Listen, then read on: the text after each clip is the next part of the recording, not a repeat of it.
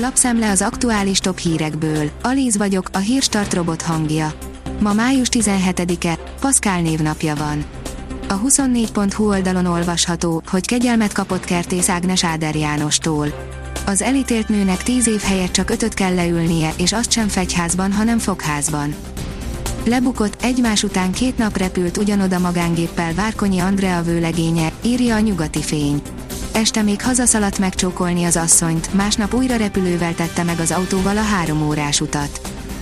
A privát bankár szerint hatalmasat erősödött a forint az MNB miatt, három hónapos mélyponton volt a bitcoin.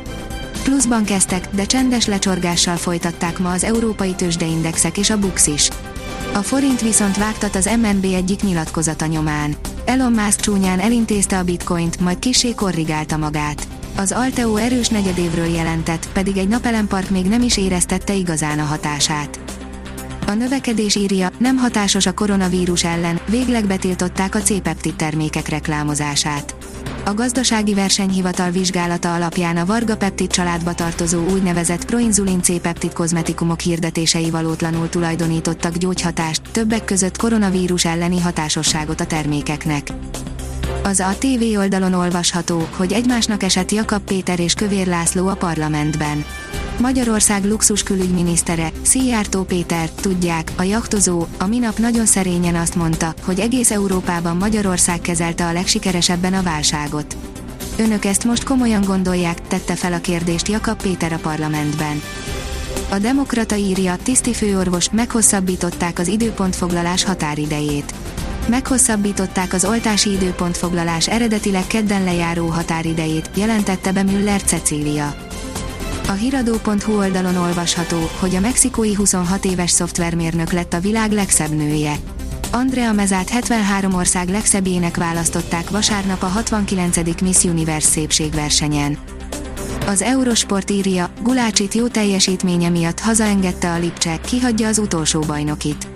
A június 11-én rajtoló, részben budapesti rendezésű labdarúgó Európa-bajnokságra tekintettel hazaengedte válogatott kapusát, Gulácsi Pétert az RB Leipzig, így a hálóőr kihagyja csapata utolsó, Union Berlin elleni bajnokiát.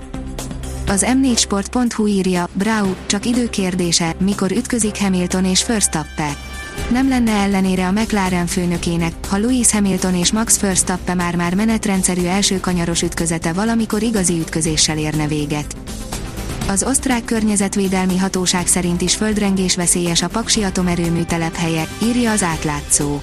A Paksi atomerőmű és a tervezett Paks 2 atomerőmű telephelye a magyar szabályozás és a nemzetközi ajánlások alapján nem alkalmas atomerőmű létesítésére. A kitekintő szerint júniusban érkezik a második uniós jogállamisági jelentés.